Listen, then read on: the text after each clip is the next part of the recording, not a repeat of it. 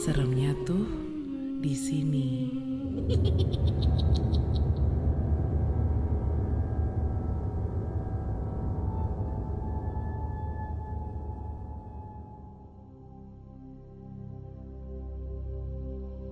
Bener ya, kata orang tua, kalau mau pergi harus selalu baca bismillah.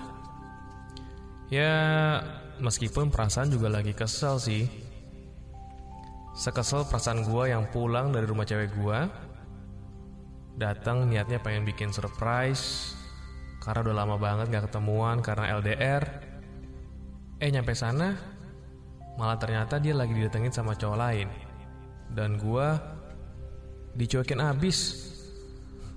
Katanya balas dendam karena gua nggak jemput dia di bandara. Lah, ini kan mau dibikin surprise. Hah, keselnya sampai kubun ubun. Ya perasaan gue sih kesel, gondok banget. Hah, akhirnya gua pergi dari rumah cewek gua, gua starter motor gua dan langsung tancap gas.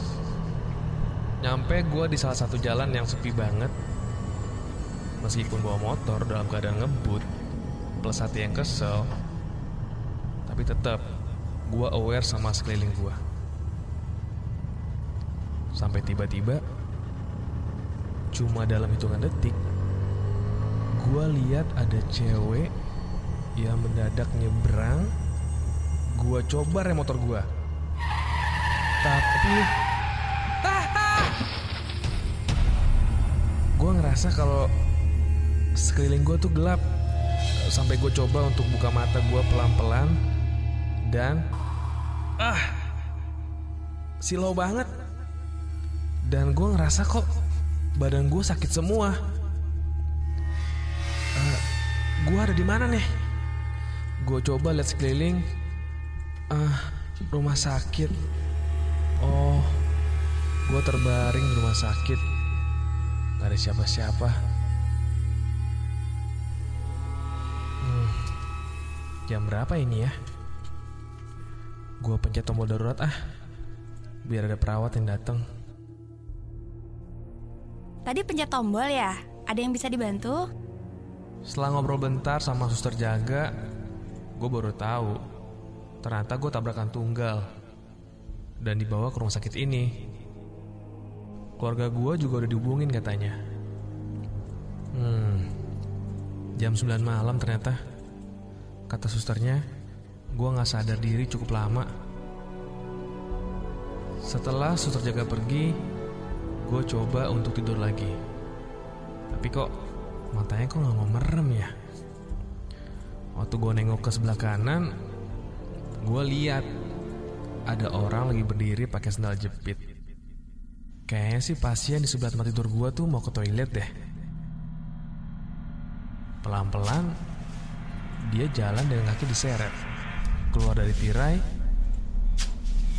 dan dia berjalan ke arah gua. Mukanya pucat banget. Mukanya juga kayak nggak ada ekspresi gitu. Kulitnya putih tapi putih pucat banget.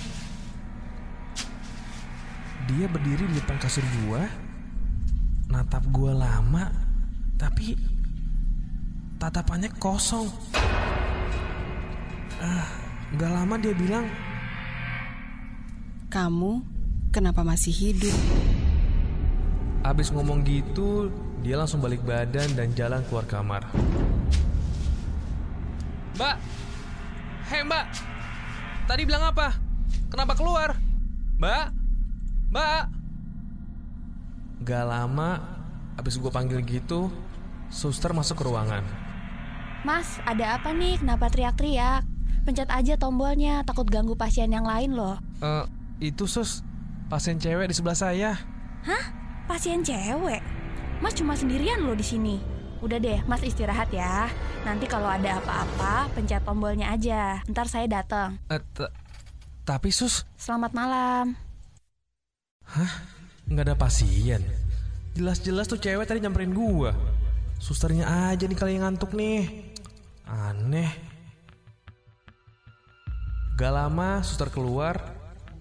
Waktu gue liat ke samping, Gue lihat kaki cewek tadi di samping. Kapan masuknya? Aneh banget. Tiba-tiba gue ngerasa kaki gue kayak ada semut, kayak ada yang merayap gitu. Dan waktu gue coba buka selimut, ah, apa? Rambut siapa nih? Kenapa ada rambut di kaki gue? Tiba-tiba ada tangan yang pegang kaki gue juga kenceng banget. Ah, ya Allah, apa nih? Ah, gue berusaha untuk bangun dari tempat tidur gue, tapi tangan ini masih pegang kaki gue kenceng banget. Dan sekarang, sekarang gue, gue, gue liat mukanya kuntilanak. Ah!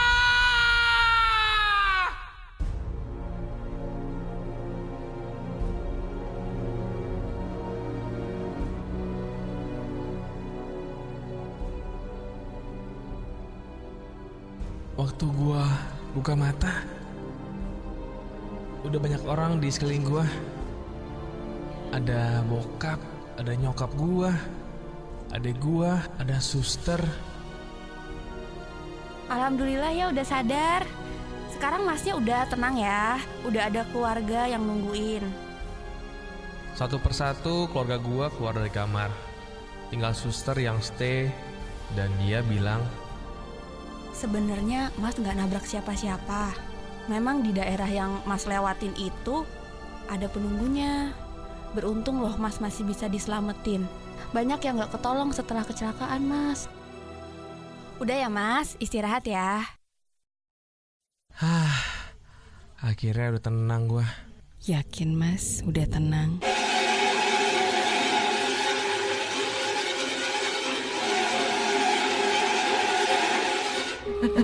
Seremnya tuh di sini.